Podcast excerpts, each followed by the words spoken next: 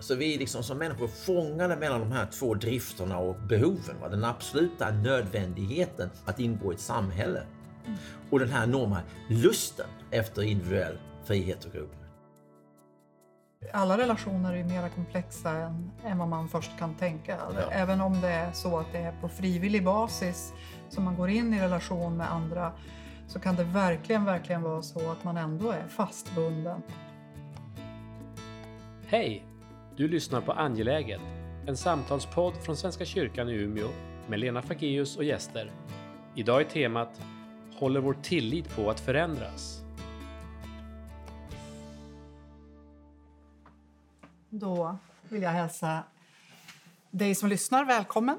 Och eh, idag så har, vi, har jag tagit mig till min gäst. Så att vi sitter inte i det vanliga rummet Eh, i Umeå utan jag sitter på Ersta diakoni och min gäst idag är Lars Trädgård. Men vi ska ändå börja eh, precis som vi brukar göra genom att eh, tända ljuset. Ljuset som vi tänder, ja, men dels för att det är trevligt, i alla fall nu när det är liksom mörkt dygnet runt nästan. Men, eh, men också som en slags symbol för, för närvaron oss emellan som för samtalet men också att det finns ytterligare en som alltid närvarar när vi är tillsammans, nämligen Gud. Så vill jag tänka. Så att när jag tänder ljuset så är det både samtalet men också Guds närvaro. Nu lyser det. Roligt att du ville vara med, Lars. Ja, jättekul att vara här och ha samtal med dig. Det var ju några veckor sedan som vi sågs i Umeå och du föreläste för oss. Eh, rubriken på den föreläsningen var Det svenska tillståndet. Står Sverige inför en tillitskris? Och vi bad dig komma till Umeå för att föreläsa för att någon hade hört dig och sagt att det här är så viktigt. Och vi har i Umeå pastorat så har vi arbetat under en period med frågorna kring tillit i organisationen. Och ja, men börjat läsa artiklar och böcker som har med det där att göra. Men, eh, men vi var intresserade av... Du kommer ju från ett litet annat håll eh, omkring de här frågorna. Och vi... Eh, eh ja, men ditt namn kom upp och det blev intressant att höra. Vad, vad säger du omkring de här frågorna? Men du ska få börja i en annan, i en annan vinkel ändå. Eh, för eh, jag skulle vilja höra din egen berättelse om hur det kom sig att du började intressera för det som du har, som har blivit ditt forskningsområde. Och Du kan också säga lite grann om vad du forskar om. Ja. Och vem du är förstås. Mm. Inte bara ditt namn som jag säger, Lars Trädgård. Berätta, vem är du? Ja, äh, vem jag är och vad jag forskar om och hur jag ser på tillit hör faktiskt ihop. Så att, äh, det, det, är ett bra sätt att, att, att börja på det. Så jag Eh, är numera historiker, eh, arbetar som professor på Ersta Sköndal Bräcke högskola. Eh, vi kan prata mer om det lite senare. Men jag kom hit efter att ha varit boende utomlands i 40 år. Mm. Framförallt i USA, men även i, i Tyskland, i Kenya, i, i Paris. Och det som för mig då blev väldigt uppenbart var att när jag först lämnade Sverige så var det nästan en slags flykt. Jag lämnade Sverige 1970 som väldigt ung person och ja, ville liksom söka mig till mer ett liv mer av kan man säga äventyr och frihet. Jag vill liksom från både min familj, mitt egna land och ja, du vet, hitta någonting nytt. Mm. Men efter att ha bott då utomlands under ett antal år så började jag fundera lite grann på Sverige. Eh, och blev varse om att jag hade själv en hel del kan man säga fördomar eller liksom jag hade på något sätt gått in mig på olika typer av klichéer och stereotyper som vi har både då och Sverige och, och de andra länderna, USA och Tyskland till exempel. Um, och fördelen med att lämna sitt eget land är att man förlorar sin kulturella oskuld. Eh, man börjar liksom istället för att se allting som självklart och naturligt så börjar man inse att Sverige är ett eh, väldigt speciellt land. Eh, vi sticker ut i många, många olika avseenden. Och det där började jag då bli intresserad av. Det ledde mig senare till att skriva en, en bok tillsammans med min gode vän och, eh, och som också är historiker, Henrik Berggren, som heter Är svenska människa? Som då handlar om eh, det vi kallar gemenskap och oberoende i det moderna Sverige. Den här besynnerliga paradoxen eh, att vi i Sverige både är, är, är, vi är en kultur som är präglad av väldigt starka sociala värderingar, alltså gemenskapsidealen. Men vi är också ett eh, samhälle som är en kultur som är präglad av ganska individualistiska värderingar. Alltså det vill säga vi, vi, vi tror väldigt mycket på individens frihet och oberoende. Och de här sakerna hänger ihop. För just det att vi har då ett förtroende eh, för våra gemensamma institutioner eh, gör också att vi kan maximera frihetsutrymmet. Vi är inte riktigt lika beroende av, av de här närliggande gemenskaperna, alltså som, som, som familjen. familjen. till exempel. Ja. Uh, och det, och det där finns det mycket, många olika perspektiv. Man kan hålla sig kritisk till det. Vi har ju haft en liksom, diskussion i Sverige idag om eh, svenska ensamma till exempel. Eh, och, och, men man kan också se det väldigt, väldigt positiva termer. Och där kommer just tillitsfrågan då in. För att eh, det, det är så, där Sverige och de nordiska länderna sticker ut är just vad det gäller den här väldigt höga tilliten. Och det som jag brukar kalla för en lång tillitsradie. Alltså det vill säga vi, vi litar inte bara på de som är så att säga, oss väldigt nära. Alltså det vi kallar för den partikulära tilliten. Vilket är vanligt över hela världen. Vi kommer ju som människor från små grupper i grund. Men det som är speciellt med Sverige och de nordiska länderna är att tillitsradien här har blivit mycket längre. Den rör sig ut mot ytan om vi tänker på tillitsgemenskapen i form av en slags glob eller en cirkel. Eh, och, och det där bygger just på att vi har byggt upp, vi har skalat upp tilliten från den här lilla, lilla gruppen till samhället i stort. Och det är där Sverige och de nordiska länderna sticker ut. Så mitt intresse till tillit kom väldigt mycket från att försöka förstå det svenska samhällskontraktet, den svenska kulturen. Den här väldigt intressanta balansen mellan gemenskapsideal å ena sidan och individuella frihetsideal å den andra som, som jag tycker är så fascinerande med Sverige och de nordiska länderna. Och egentligen, alltså jag, jag, tänker när jag, när jag hör, hör dig och när jag, när jag tänker på eh, situationen som, ja, men som jag lever i en ganska stor organisation men också hur man lever i familjen eller i andra nätverk. Så. Att det är någonting som är speciellt med den där brytningen mellan det gemensamma och det individuella. Att det alltså på, på flera nivåer så är det någon slags, det måste bara vara det, att det är en ständig brottningskamp. Mm, mm, mm. Um, att det finns någonting med... När, när vi började arbeta i, eh, i pastoratet omkring frågorna om tillit så var det också... Vi hade, det fanns på bordet redan när jag började arbeta i Umeå att det fanns som en... Eh, jag vet inte om man använde ordet bristande tillit men det var i alla fall... Man trodde inte riktigt på att ens ledare eller ens eh, ja, men, att, man, att de ville en väl som mm. medarbetare. Mm, mm. Det, fanns, det fanns någon, ett skav där mm. som var eh, halvt uttalat. Eh, och jag tänker att det finns någonting i det där som kanske alltid, alltid är där, eller måste vara där. Ja, att, ja. Det, att vi måste brottas och hålla på med den där frågan om jag som individ och det gemensamma. Ja. Man kommer liksom aldrig ifrån det. Nej, jag tror, jag tror det här är helt, helt korrekt. Och det, det finns en äh, väldigt berömd äh, tysk filosof, äh, Immanuel Kant, äh, som, som fångar det här på ett så fantastiskt fint sätt.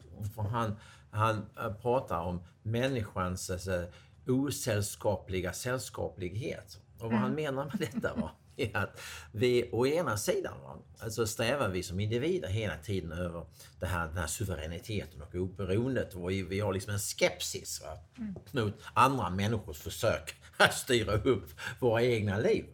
Mm. Eh, och, och, det gör liksom att vi, vi tenderar liksom till att försöka eh, undvika allt för mycket va, beroende i, i de här olika gemenskaperna. Så det är den ena sidan. Men den andra sidan är att vi samtidigt som, som människor är liksom, vi, vi är tvingade till uh, gemenskap. Vi, vi överlever inte utanför uh, ett, ett samhälle. Så, så, samhället, gemenskapen, är också lika grundläggande. Så vi är liksom som människor fångade mellan de här två drifterna och behoven. Va? Den absoluta nödvändigheten att ingå i ett samhälle. Mm. Och den här enorma lusten efter individuell frihet och grupp. Mm. Och det, det, det, nyckelfrågan blir då i alla samhällen. Hur kan man finna en konstruktiv balans mellan de här så att man så att säga, på något sätt bejakar både den här nödvändigheten vad gäller samhället och de sociala eh, värderingarna å ena sidan, men samtidigt också bejakar eh, det individuella begäret efter, efter frihet och oberoende. Och det är väl i det perspektivet som jag ibland då, när jag är på gott humör vad det gäller Sverige, brukar säga att de nordiska länderna har varit ganska duktiga på att hitta en ganska raffinerad lösning på det här fundamentala existentiella eh, dilemmat. Eh, i, I andra stunder kan man säga tycka att, att ja, det, det, finns problem i Sverige med att vi kanske i, i vissa ögonblick har liksom gått för långt va, i någon form av eh, betoning på, på, på individen och då, då, då liksom man börjar tänka på Bergman-filmer och, och liksom, liksom vår oändliga ensamhet eh, som, som även liksom har en religiös dimension. Där, där så att säga, man tänker sig den här svenska ensamma människan som sitter med sin Gud eh, och, och, och det är en fantastiskt direkt relation men samtidigt finns också någon form av ensamhet kring detta.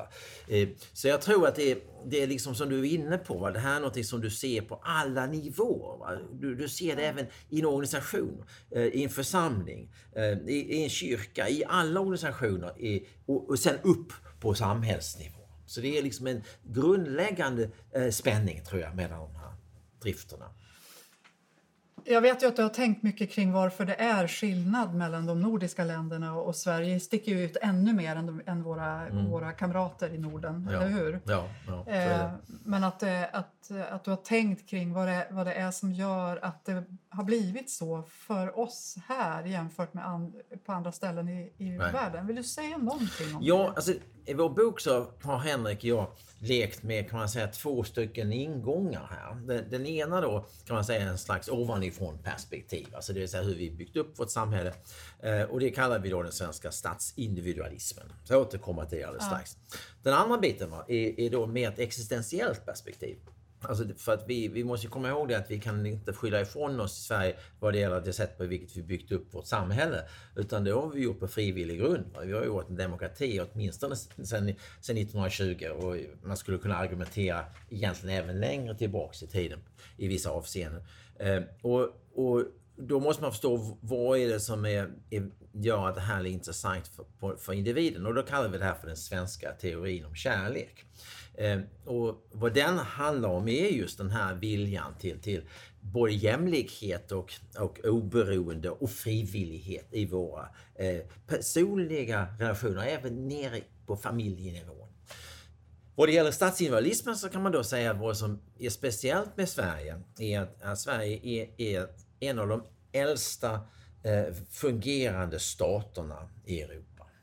Eh, vi, har, vi har en lång, lång historia, inte bara av att vi har ett oberoende som, ett, som en nationalstat, men att vi skapade eh, samhället byggt just på idén om land ska lag byggas, en lagbunden ordning. Vi hade en, det första kanske moderna skattesamhället. Jag brukar ofta påpekar det att ett uttryck för ett högtillitssamhälle är just villigheten att betala skatt. För det är ett uttryck för att man har ett förtroende för samhällskontraktet. Att dina pengar inte bara försvinner i någon korrupt liksom, överklass eller någon förtryckande stat som bara suger ut medborgarna.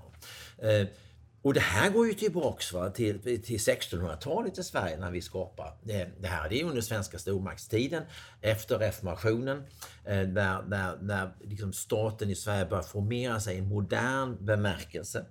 Och där de här direkta relationerna eh, eh, är från början väldigt viktiga men också transparensen, alltså öppenheten. Alltså när man skapar en skattestat i Sverige eh, så gör man det på, på basis av inte bara liksom ett slags förtryck ovanifrån utan också på en frivillighet underifrån och det bygger då på en transparens. Här var församlingarna i Sverige väldigt viktiga. Alltså vi hade liksom en, en lokal beskattning för eh, att kunna ge en sådan som dig till exempel en lön. Va? Eh, men de här svenska då, ganska fria och ganska snåla bönderna va, ville också veta att de här pengarna liksom användes på eh, rätt sätt. Det skulle finnas en transparens, va, en ömsesidighet i relationen. Och det här är liksom A och O för ett öppet, väl fungerande samhälle. Att ja, vi måste så att säga samla oss och, och betala skatt och, och, och, göra investeringar i våra gemensamma angelägenheter. Men det måste finnas en möjlighet till översikt, alltså att, transparens, man måste kunna se att pengarna faktiskt används på rätt sätt. Så det här är liksom en lång tradition. Ja. Eh, och, och det är liksom en, en förklaring. Den andra biten som har då att göra med den svenska teorin om kärlek, det här med familjen, eh, eh är att vi i Sverige och överhuvudtaget i nordvästra Europa har vi en annan familjekultur, ett annat äktenskapsmönster jämfört med Sydeuropa, Östeuropa. Eh, eh Längre söderut och österut så var eh, det väldigt tidigt på det sättet att man levde i större familjer. Klanliknande, väldigt patriarkala familjestrukturer. Eh, där kvinnor var i ett väldigt tydligt underställ. Ofta gifte sig kvinnor eh, i väldigt tidig ålder, kanske som tonåren med män som var åtminstone tio år äldre. Eh, här uppe var det från början, kan man säga, så långt vi kan gå tillbaks till 1300-talet, så var det små kärnfamiljer som gällde. Män och kvinnor gifte sig i ungefär samma ålder. Det var inte någon perfekt jämställdhet, det skulle jag inte, verkligen inte påstå. Men det fanns ändå en större paritet, bland annat just på grund av åldern. Och det var också så att på grund av att man hade de här småfamiljerna så uppmuntrar man sina barn mycket tidigare att, att flytta ur familjen, ofta för att de behövdes som arbetskraft i andra hushåll eh, i olika tider. Det hade att göra med årscykeln i ett, ett jordbruk med många liksom, eh, mindre relativt självständiga bönder. Så familjekulturen också var annorlunda i, i Sverige. Och det är de här två elementen tillsammans Eh, är ett sätt att åtminstone närma sig en slags förklaring till varför det ser så pass annorlunda ut eh, här uppe i Norden och inte minst då i Sverige. Ja, du, du använder uttrycket, eh, den, vad sa du, den svenska modellen, vad sa du? Den svenska teorin om kärlek. Teorin om kärlek. Ja. Och den handlar väldigt mycket om frivillighet, eller hur? Ja, alltså vi, vi, vi tycks... Alltså jag, när jag och Henrik skrev den här boken, Den svenska människan, så stal vi titeln på boken från en väldigt bitter svensk journalist, Sandfrid Neander Nilsson, som skrev en bok med samma titel eh, 1946. Och han var inte så förtjust i Sverige. Mm. Så hans böcker, hans, han hade inte den där ironiska titeln som vi har. Va? Vi mm. försöker ju visa på att eh, det är lite mer komplext. Det är inte bara så att människor i Sverige är omänskliga eller osällskapliga. Men han däremot tyckte verkligen på det sättet. Och han, hans ideal var, var Italien. Och han, hans kapitel i den här boken hade sådana titlar som svenskarna som skilsmässofolket, Hata svenska barn och så vidare. Så att han hade en väldigt bitter, negativ syn som han då svarade tillbaks just till, till den här svenska överdrivna individualismen och betoningen på individens frihet och relativa ointresset då för den här så att säga, mer ganska romantiska synen som han hade på familjen som, som han liksom då tyckte sig kunna se i sitt älskade Italien. Mm. och en annan form av sällskaplighet. Och detta är ett tema va, som inte han var ensam om utan vi har en tradition i Sverige med en litteratur vad det gäller det svenska folklynnet och folkkaraktären som var väldigt, väldigt populär va, från slutet av 1800-talet långt in på 1940-talet i Sverige. Och där var ett återkommande tema just det att svenskarna är som lyckligast när de får vara för sig själva. Mm. Eh, där vi liksom föredrar naturen över andra människor. Vi är ganska dåliga på sällskaplighet och ganska mm. ointresserade av, av liksom att söka djupa psykologiska insikter eh, om andra människor och så vidare. Så det här är ju mycket stereotyper och, och, och klichéer. Men, men det, det, finns liksom en sån berättelse som liksom mm. återkommer även idag. Och, och, när vi har idag den här diskussionen, till exempel om svensk ensamhet, som ju mm. har florerat ska jag påstå de senaste åren. Så är det intressant att det finns inga empiriska belägg för detta. Svenskar är inte mer ensamma än vad människor i i övrigt. Mm. Tvärtom visar det sig om man tittar på forskningen att nordbor har nog bättre egentligen sociala nätverk. Det gäller även de äldre. Och det där har då att göra med att de relationer som vi då bygger upp har varit mer baserade på frivillighet än på plikt och tvång. Och ja. där tycks det då finnas en preferens.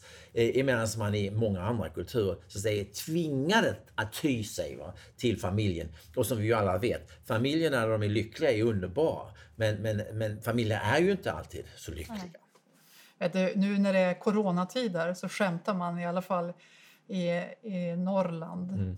så skämtar man om att man längtar efter att det där regeln om två meters eh, eh, avstånd eh, ska, ska sluta så att man kan få ta den vanliga på några ytterligare kilometer. precis, precis. Jag tycker det är underbart. Jag kommer ihåg du berättade det här för mig och jag, jag har faktiskt anammat den, den här lite grann för jag tycker det är så fint. Och det, det, det är ju givetvis en kliché och det vet ju både du och jag. Men samtidigt, den säger ju någonting va? Du vet, någonstans. Va? Mm. Och, och, och, det där liksom att man, man träffas när man vill och känner för det snarare liksom att man liksom är tvingad in i en sällskaplighet. Det tror jag är, är viktigt. Och det är liksom som jag brukar säga eh, när jag, när jag pratar om det här, det, det, handlar inte ytterst om att vi svenskar är så fruktansvärt omänskliga eller osällskapliga, utan det handlar liksom om att vi föredrar att, att, ha sällskap när vi vill, på frivillig basis. Mm. Och, och, det är det som är det viktiga sammanhanget, inte att vi inte överhuvudtaget träffas, att vi bara sitter ensamma. Eh, så, så är det inte riktigt, utan det är just frivilligheten som är det viktiga.